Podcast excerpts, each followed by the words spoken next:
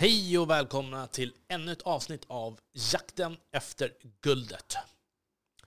Jag vill börja det här avsnittet med att tacka för all den fina feedbacken som jag har fått. Och det har verkligen varit ett härligt år som eh, har passerat. Jag ser fram emot den nya tiden med alla nya spännande gäster som jag ska träffa. Och eh, idag kommer det nog bara bli en gnabbpodd. Jag ville ju spela in ett nyårsavsnitt, men tyvärr så fegade sällskapet ur. Och med all rätt. Kanske inte var läge att spela in en podd på nyårsafton ändå. Det var så himla livligt. Men eh, jag skulle vilja prata någonting också lite om branding och religion kring ett varumärke. Det är så att om man ska skapa ett varumärke så måste man djupdyka i målgruppen, säger de. Vad har de på sig? Vad äter de? Vad tittar de på? Vad, vad, vad är de i för mentalt tillstånd? Vad lyssnar de på för musik? Och när man har nistat ut allt det där, och det är så här, det blir så, jag vet inte hur jag ska säga.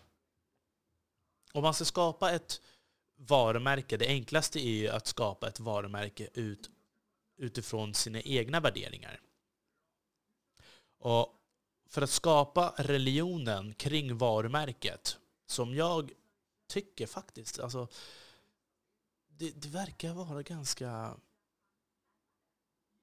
Alltså det, det, det, det är klurigt, men ändå enkelt. För jag har märkt till exempel när jag lyssnar på, jag lyssnar på en hel del poddar uh, och jag har en hel del favoritpoddar. Uh, och de gör olika saker. Vissa är businesspoddar, vissa är bara gnabbpoddar. Och, men vad är det alla har, eller inte alla, men de flesta har gemensamt? Det är som en religion. och meningen med religion, så här är det. Precis som är vanligt om du ska skapa någonting och vad, vad själva meningen med religionen, varför man ska skapa som en religion, är för att även om du gör fel så ska dina de som identifierar sig med varumärket ändå vara på din sida. För att de känner att det är de själva. De kommer alltid att försvara sig själva. Och det är här jag tycker det är lite roligt när jag lyssnar på de här eh, lite olika poddar och så vidare, att alla har någonting gemensamt. Vi alla är ungefär uppvuxna eh, under samma era. Vi verkar ha samma värderingar och eh, det, är, det är liksom... Det, jag vet inte, ja. Nyligen så kom en eh, eh, eh, en bekant som heter Alexander Goga. Han tog fram ett skovarumärke, Alexander K. Och de, han brandar ju det som affärsmän som kanske har kostym och sådana här saker. Eller folk som jagar guldet helt enkelt. Eh, det, det, det är det som är brandet. Och eh, när det är sådär tydligt och det, det är liksom det är lätt att identifiera sig med. Det, det blir inte så pjåkigt. Men hur är det när man ska skapa ett varumärke som inte är en själv? Går det att göra? Nu är ju inte jag någon expert, men eh, jag, jag, jag, försökte ju när, när, vi skulle starta Gamers Nutrition. Jag tycker ändå att vi har gjort eh, en ganska bra och tydlig eh, tydlig bild om vad vi står för och vad vi är. Och jag tycker att det är en tydlig religion där. Och, och vi hade ju en hel del supportrar och det, det, skrivs fortfarande jättemycket till oss. Uh, till Gamers Nutrition och folk som vill samarbeta och, och, och, och sådär. Och jag tycker det är jättekul. Vi har ju det på is nu ett tag. Men jag tycker fortfarande att det är jättekul att få alla mejl och, och de som skriver på DMs och, och så vidare. Och jag tycker att vi har, har lyckats nå ut och skapa det där. Var är man står för och vilken religion det är. Och den religionen och den målgruppen, kulturen och beteendet är ju större än den först tänkta målgruppen. Jag, jag, jag kommer ihåg i början så var det väldigt många som frågade så här, men vad är det för någonting? Vad är gamestrition? Vilken är er målgrupp? Och så ville de att vi skulle liksom tönta till det hela.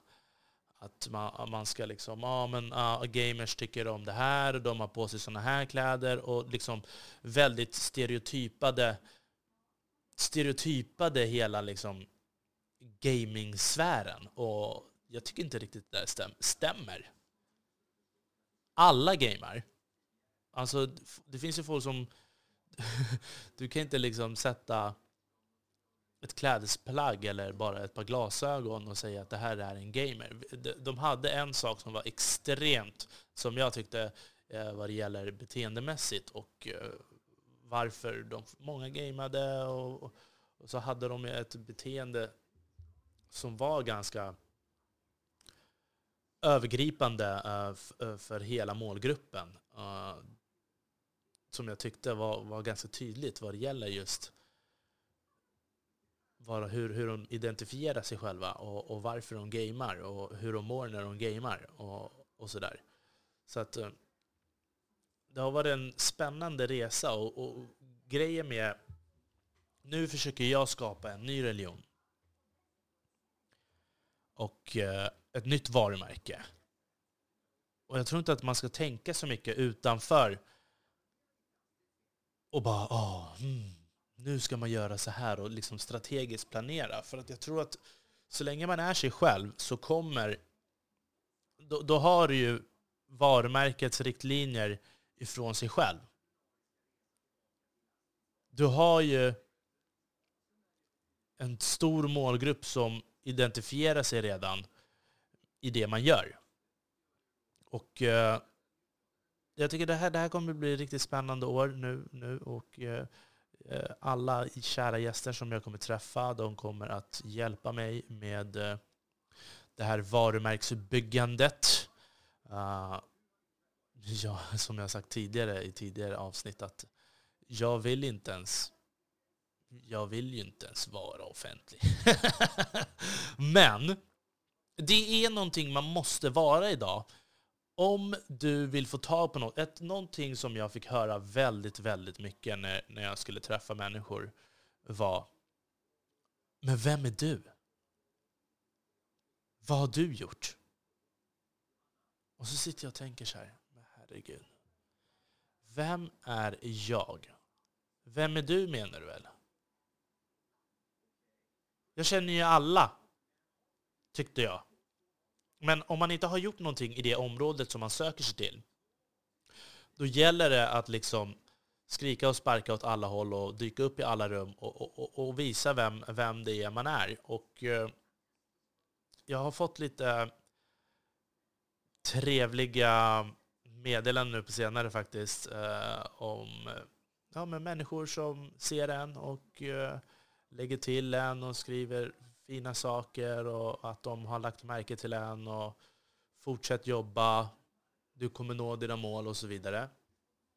Och det är otroligt, otroligt uppfriskande att få sådana där meddelanden.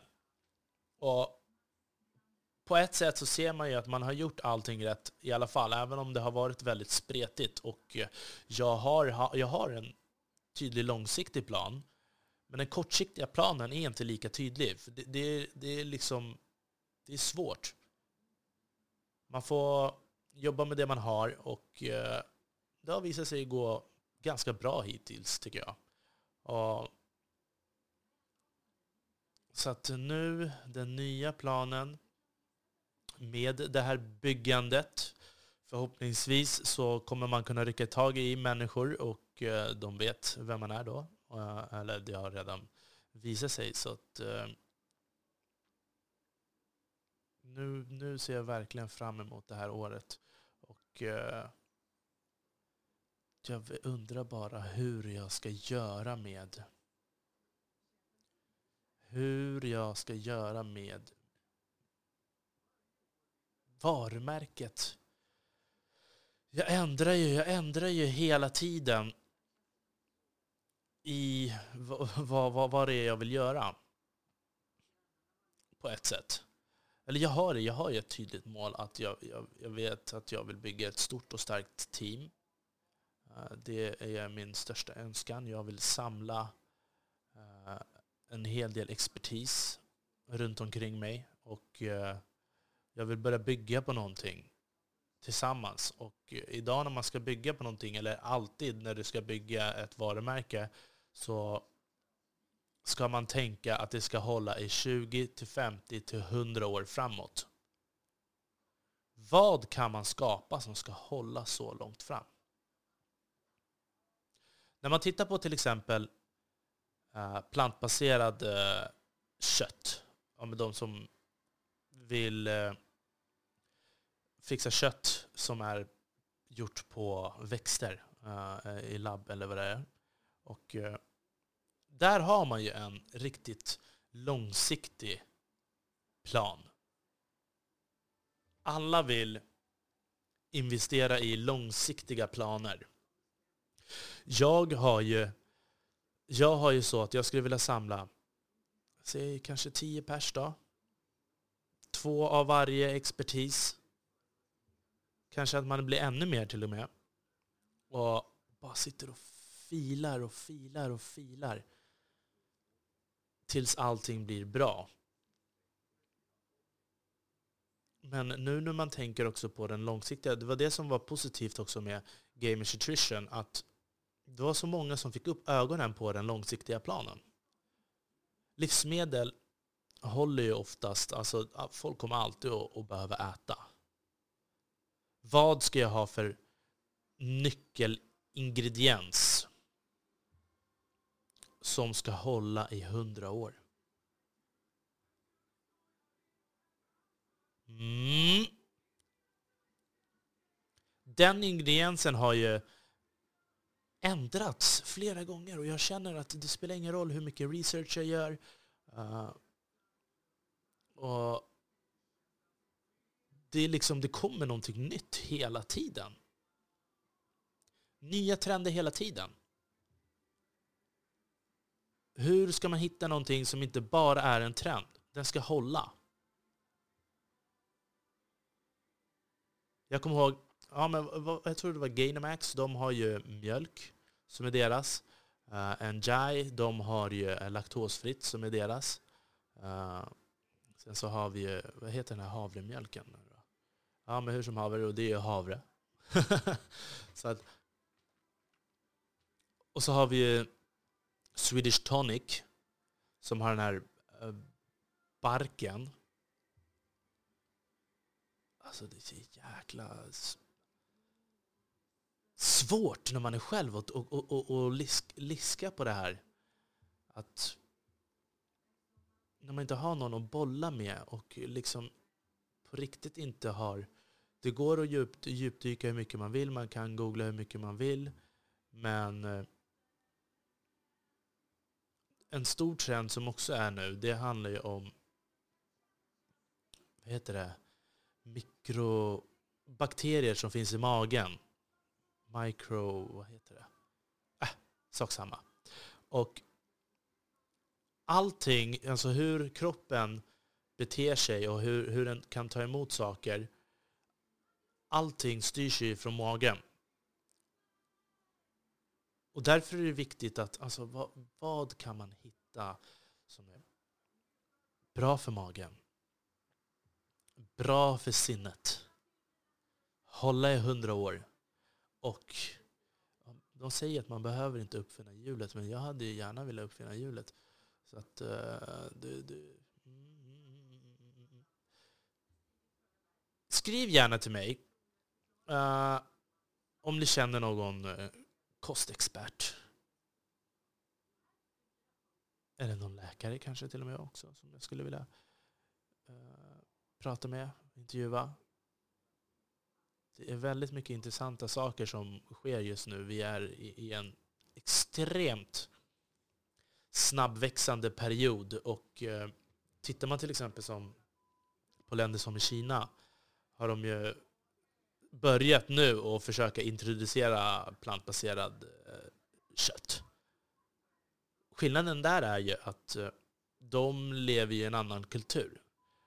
Det flesta plantbaserade köttet kommer ju från hamburgare eller korv och sådär. Och de äter ju inte hamburgare eller korv. Och jag lyssnade på ett avsnitt av Inside China Tech, som för övrigt är en av mina favoritpoddar. Eh, den rekommenderar jag starkt. Eh, där pratade de lite om hur mycket the average Chinese, hur mycket kött de käkar på ett år. Och det ligger på cirka 53 kilo per person om året. På 60-talet så låg det på mindre än 5 kilo om året. Men då sa de också att eh, det här är en kulturell fråga.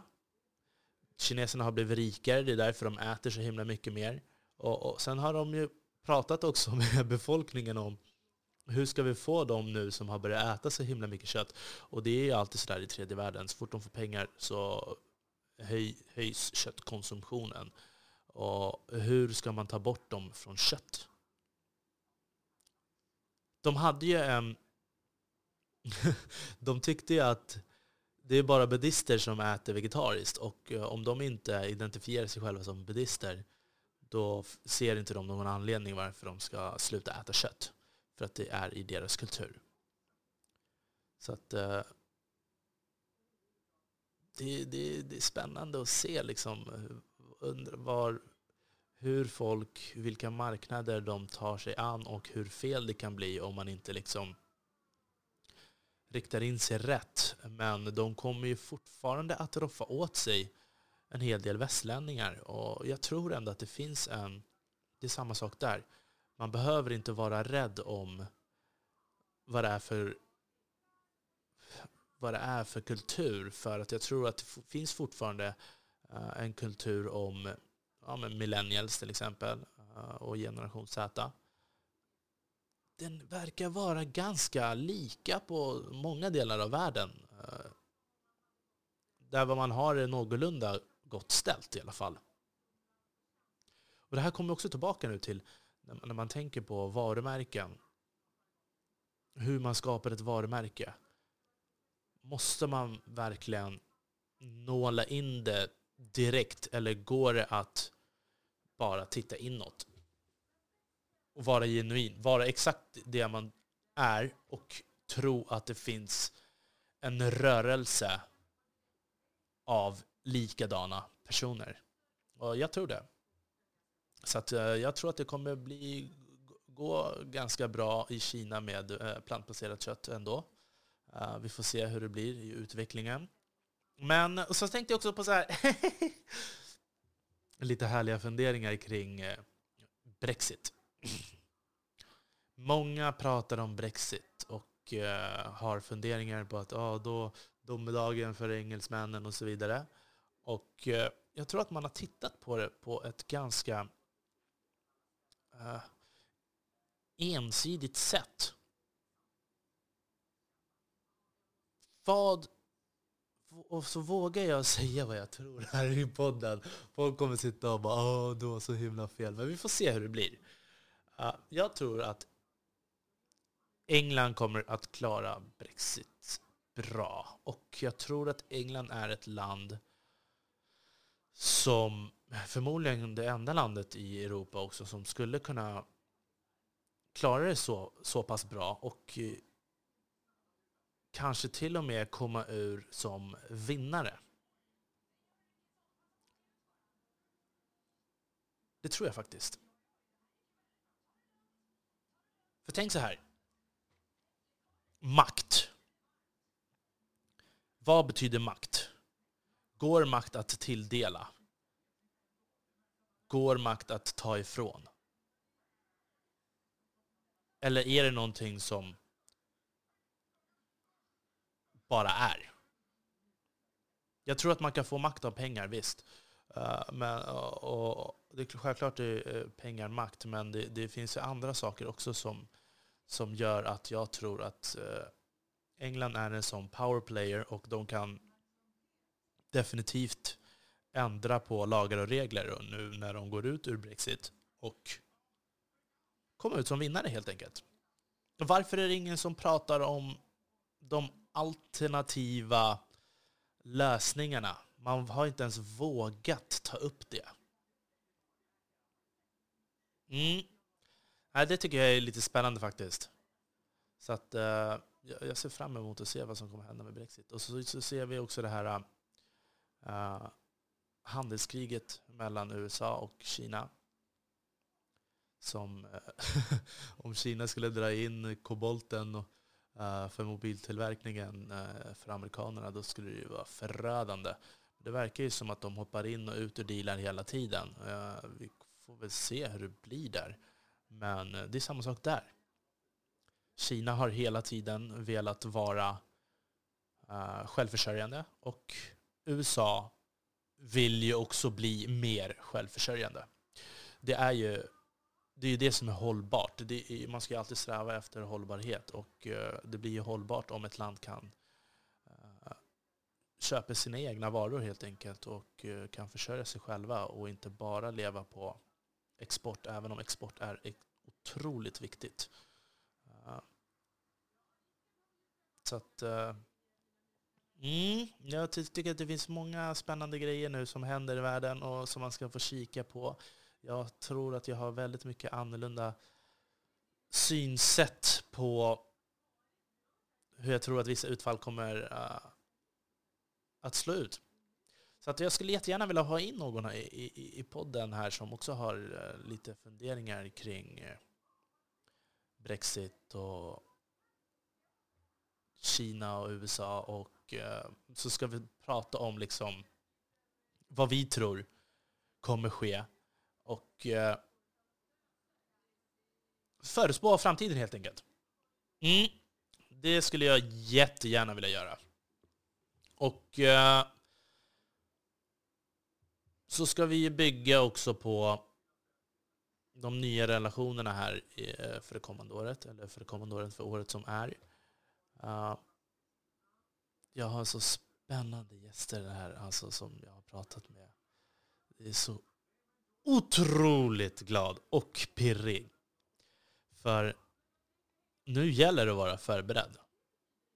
Det har varit så innan också och eh, jag måste säga det att alla mina gäster som jag har haft har lett till att jag får nya gäster och har skapat eh, ett intresse.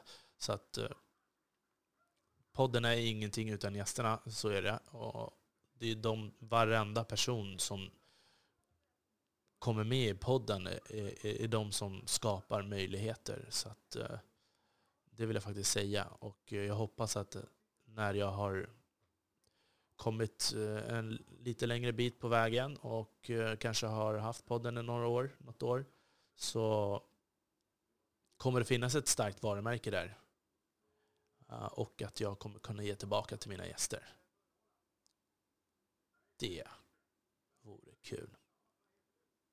Men så länge så får jag väl säga jakten efter guldet mina vänner och vi hörs igen nästa vecka.